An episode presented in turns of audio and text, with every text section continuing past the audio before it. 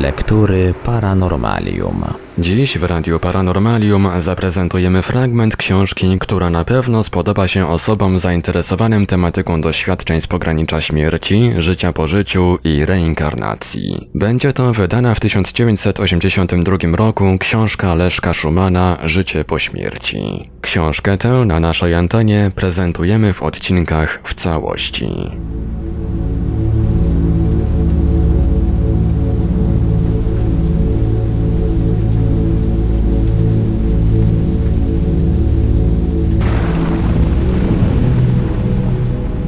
Jak to możliwe, że jeszcze żyje?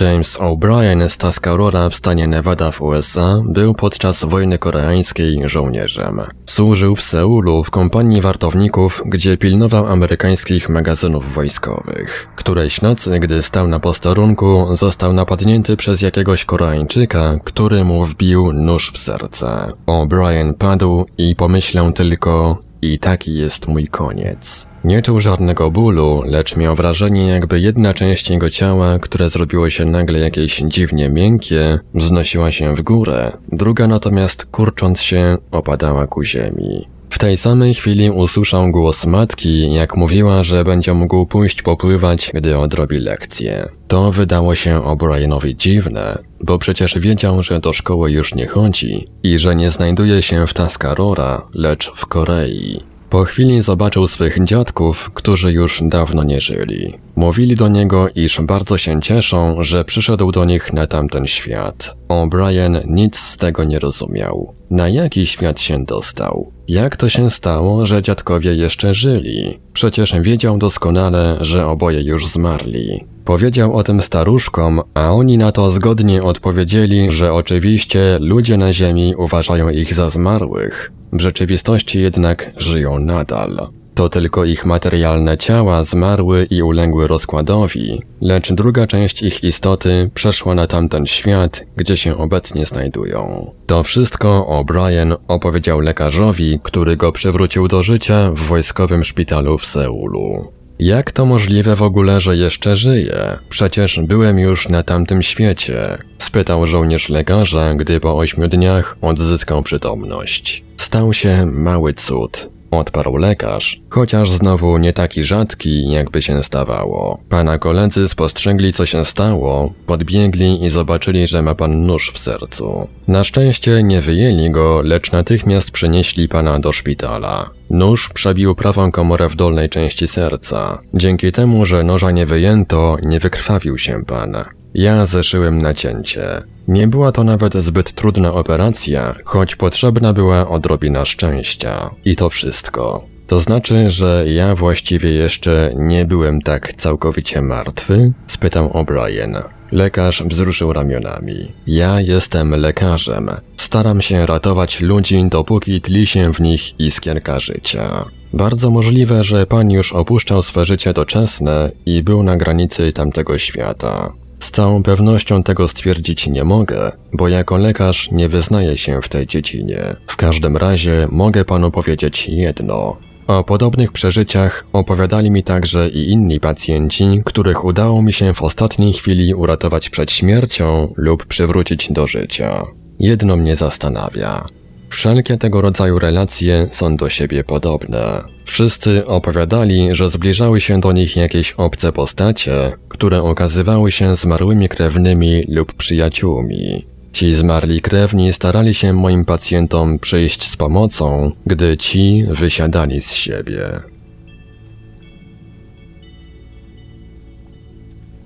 Żywcem pogrzebana.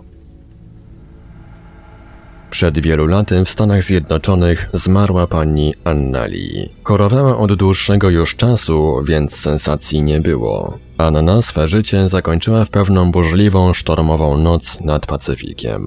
Na co właściwie nie domagała, nikt dokładnie nie wiedział. Lekarze podejrzewali chorobę psychiczną, która miała jakoby osłabić jej serce. Dawne to były czasy i lekarze o medycynie wiedzieli znacznie mniej niż dziś. Panią Anneli pochowano w grobowcu rodzinnym, a w pokrywę trumny, jak to było wtedy w modzie, wstawiono szybkę. Nazajutrz po pogrzebie koło grobowca rodziny Lee przechodził dozorca cmentarza. W pewnej chwili usłyszał słaby, jękliwy, nieco stłumiony głos. Zatrzymał się. Czyżby się mylił? Chyba nie. Wydobywał się on z grobowca państwa Lee. Lecz nie chciał samemu brać odpowiedzialności na siebie.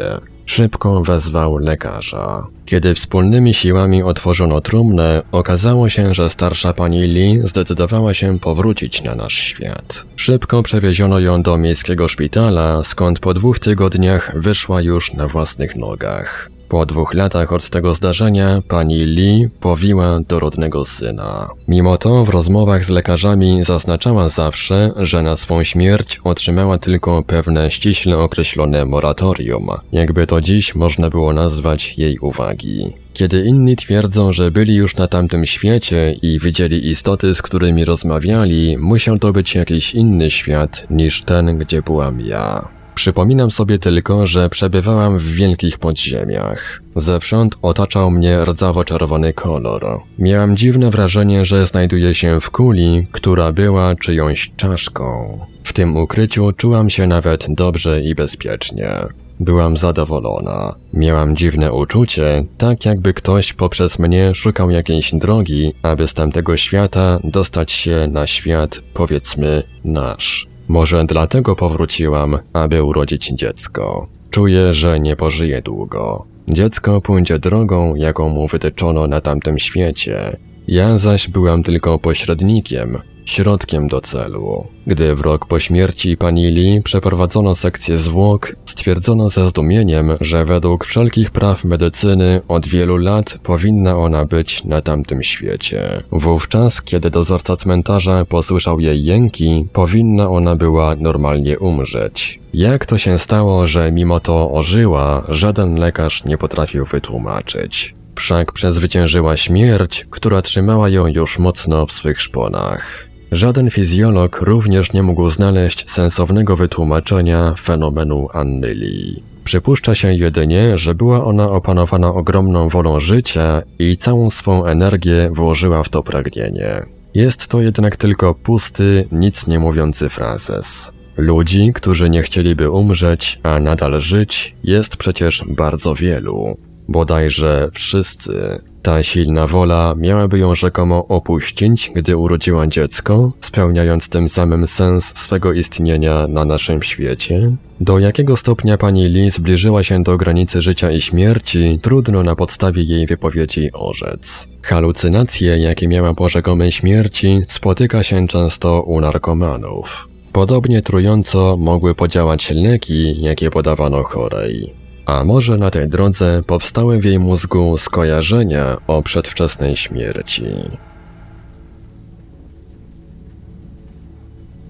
Wrażenia pośmiertne Znany francuski śpiewak Charles Aznavour milczał o swoich przeżyciach spowodowanych wypadkiem samochodowym przez 16 lat. Dopiero po upływie tak długiego okresu czasu postanowił opowiedzieć o tym, co przeżył owego pięknego letniego popołudnia 31 sierpnia 1956 roku pod Brignoles. Co artystę wówczas spotkało, dowiedzieliśmy się z gazet w roku 1973.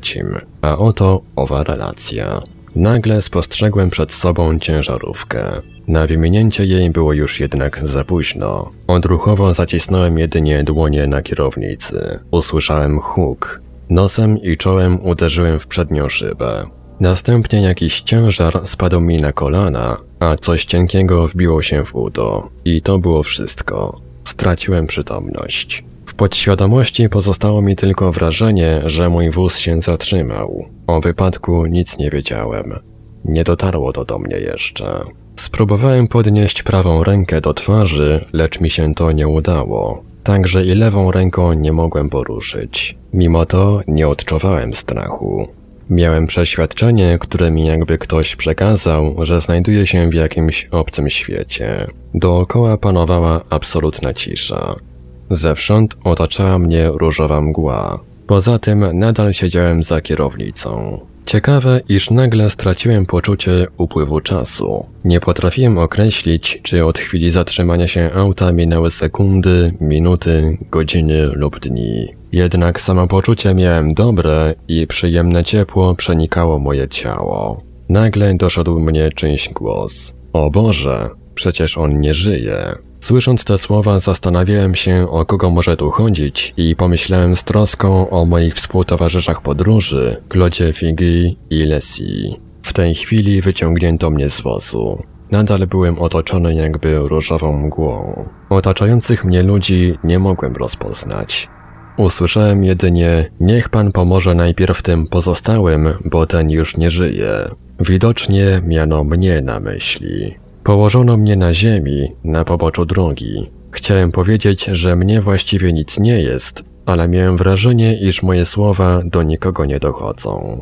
Mimo to słyszałem siebie samego, jak wołałem pomóżcie mu, pomóżcie mu. Miałem oczywiście na myśli Claude'a Fingi.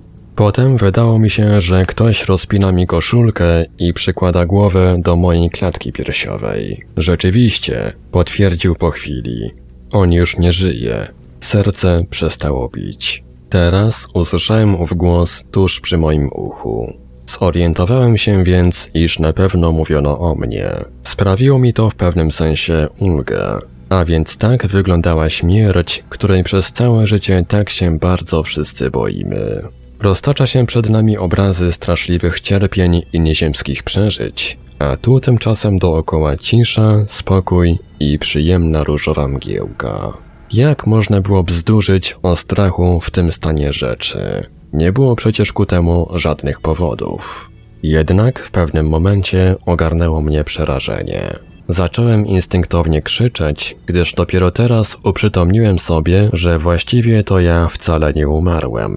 Słyszałem przecież dokładnie rozmowy otaczających mnie osób. Rozmawiali żandarmi, słyszałem syk opon i zgrzyt hamulców, nawoływania, szum silników mijających mnie pojazdów. Uważałem więc za niezbędne dać otoczeniu w jakiś sposób znać, że jeszcze żyję, by mi udzielono pomocy. Krzyczałem coraz głośniej, lecz mój głos nie docierał do nikogo z obecnych na szosie, chociaż poprzez różową mgiełkę widziałem sylwetki poruszających się postaci. Poczułem tylko w pewnej chwili, że ktoś dotknął moich oczu i wówczas nie widziałem już nic. Narzucono na mnie jakby czarną płachtę. Chyba któryś z żandarmów zamknął mi oczy i nakrył mnie prześcieradłem. Dla ekipy ratowniczej byłem już tylko trupem leżącym na skraju drogi i nie było sensu nadal się mną zajmować. Przestałem krzyczeć, kiedy przeniesiono mnie w jakieś inne miejsce. Starałem się zorientować, co się ze mną dzieje, bo nagle posłyszałem inne głosy, ale nic z tego nie wyszło. Ni stąd, ni zowąd przyszło mi do głowy, że już nie znajduję się na miejscu wypadku, a leżę w mojej własnej trumnie. Usłyszałem cichy szloch. Moja pierwsza żona Evelyn przyszła na mój pogrzeb. Stała koło dużego sarkofagu ozdobionego srebrnymi okuciami. Kościółek był pełen ludzi. Znów ogarnął mnie strach, że mogą mnie żywcem pochować. Chociaż leżałem w trumnie, widziałem siebie i sarkofag od zewnątrz. Brałem więc z pełną świadomością udział we własnym pogrzebie. Teraz zrozumiałem, że moje ciało ulega rozkładowi. W trumnie, którą wynoszono, szalałem, krzyczałem i rzucałem się. Duszący trupi zapach uprzytomnił mi, że mój los jest już nieodwołalnie przypieczętowany. I nagle w chwili ciszy dotarł do mnie szept. Panie Aznawur, proszę, niech się pan uspokoi. Z trudem otwarłem moje zaklejone oczy i dostrzegłem pielęgniarkę pochylającą się nade mną. Wacikiem ocierała mi twarz. I dopiero wtedy poczułem okropny ból. Byłem przywiązany do łóżka pasami. Ze mną jest bardzo źle. Wyszeptałem, a pielęgniarka twierdząco skinęła głową. Powrócił pan do życia z dalekiej drogi, bo uważano pana już za zmarłego. Pana serce zaprzestało pracy. Dopiero po wielogodzinnym masażu mięśnia udało się pana przywrócić do życia. Amerykański psycholog dr Ben Roberts przez długie lata studiował zagadnienie konania i śmierci.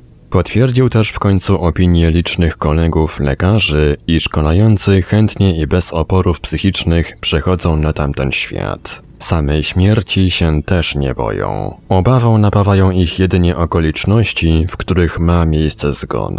Oni zdają się coś wiedzieć, czego my nie rozumiemy, gdy jesteśmy jeszcze żywi i zdrowi. Odnoszę wrażenie, stwierdził dr Ben Roberts, że konając chory znajduje się jakby na granicy dwóch światów. Jednego, który nam jest znany i drugiego, który nazywamy życiem po śmierci. Liczni lekarze obecni przy zgonie swych pacjentów wspominają w wielu relacjach, że umierający nagle z uśmiechem witali zmarłych już członków rodziny lub opisywali wygląd krajobrazu, ogrodu lub jakiejś drogi. W takich chwilach miało się wrażenie, dodaje dr Ben Roberts, iż przed umierającym otwiera się jakby okno na jakiś inny świat, a on sam wiernie opisuje miejsce, do którego przychodzi. W tej chwili przyszedł mi na myśl wypadek, jaki wydarzył się dziesięcioletniemu chłopcu, gdy ten został przygnieciony przewracającym się betonowym parkanem. Chłopiec przez dłuższy czas leżał nieprzytomny. Opiekował się nim Paul Klein. Oświadczył on, iż podczas owych tragicznych pięciu dni pacjent dwukrotnie znajdował się w stanie śmierci klinicznej. Zjawiska towarzyszące temu wypadkowi są dla doktora Kleina dowodem istnienia życia pozagrobowego. Panie doktorze, jak ja się dobrze czułem, wspominał chłopiec i miałem nadzieję, że tak już pozostanie na zawsze. Dwa razy odwiedzałem jakiś inny kraj. Było tam dużo dzieci, które bawiły się na dworze w dużych złotych miastach. Chciałem przyłączyć się do tych zabaw, lecz dzieci powiedziały mi, że ja na to nie będę miał czasu. Po raz pierwszy widziałem u tamtych dzieci takie piękne zabawki, że trudno było mi się od nich oderwać. Dzieci miały także własne instrumenty, na których pięknie grały. Widziałem tam także kwiaty, które wprost rosły w oczach. Za drugim razem zobaczyłem ogromne miasto zbudowane z czystego złota i tam było dużo dzieci. Czuły się szczęśliwe i śmiały się razem ze mną. Lecz kiedy potem nagle wszystko zniknęło, ogarnął mnie smutek. Zrozumiałem, że już muszę wracać. Uwagi doktora Robertsa są podobne do wniosków doktora Isaaca Simpsona z Kanady. Mówi on tak. Człowiek wie coś niecoś o tym, jak funkcjonuje ludzki fizyczny organizm, ale o podstawach życia nie wie nic. Jakbyśmy nie nazwali podstaw funkcjonowania organizmu, energia nadprzyrodzona, postać energii lub wibracje duszy, wszystko to są puste słowa, gdyż nie tłumaczą nam niczego. Każdy rozsądny uczony musi przyznać, że człowiek składa się z czegoś więcej niż tylko z kości i mięsa. Jest nawet zupełnie możliwe, iż to, co my nazywamy życiem, istniało już uprzednio, nim urodziło się nasze ziemskie ciało i że po naszej ziemskiej śmierci egzystuje ono nadal.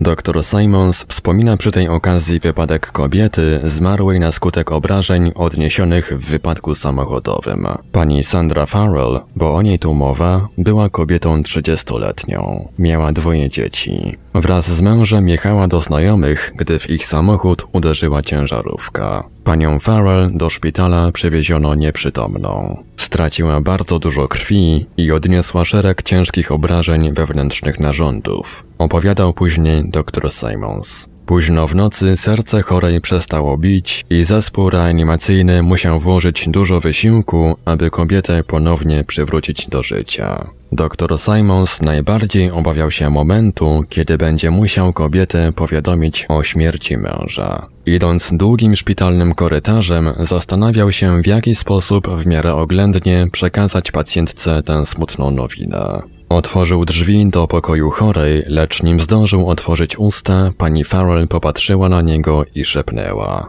Już wiem, panie doktorze, co pan mi chce powiedzieć. Że mój mąż nie żyje. Kiedy doktor spojrzał na nią zdumionym wzrokiem, dodała: Los mojego męża jest mi znany. Widziałam go, gdy byłam w stanie śmierci klinicznej. Wiedziałam o tym, że zmarłam, bo czułam, że moje serce przestało bić. Przypominam sobie moje ówczesne myśli. Od i koniec ze mną. Następnie popłynęłam lekko w powietrzu i znalazłam się na dróżce biegnącej wśród łąk. Moje nogi nie dosięgały ziemi. Ja po prostu płynęłam w powietrzu. Wcale mnie to nie zdziwiło. Nie zaskoczył mnie też widok Johna, mojego męża, który nagle tam się znalazł. Pragnęłam wziąć go za rękę i pobiec przed siebie. Taka czułam się lekka i swobodna. Czułam się szczęśliwa jak nigdy dotąd. Nie wiem dlaczego John się na to nie zgodził. Lekko odwrócił mnie w innym kierunku i powiedział, że będę musiała tu pozostać jeszcze jakiś czas. Niech pan nie myśli, panie doktorze, że czuję się czymkolwiek zasmucona lub że martwię się, że straciłam męża. Wiem, że on jest szczęśliwy, a poza tym mam niewzruszoną pewność, że się jeszcze zobaczymy.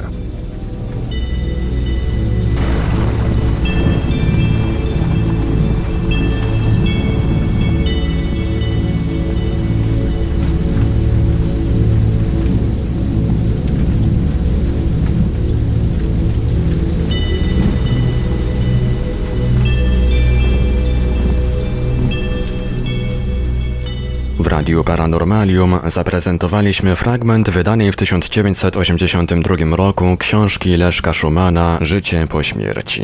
Dalszy ciąg w kolejnym odcinku Lektur Paranormalium.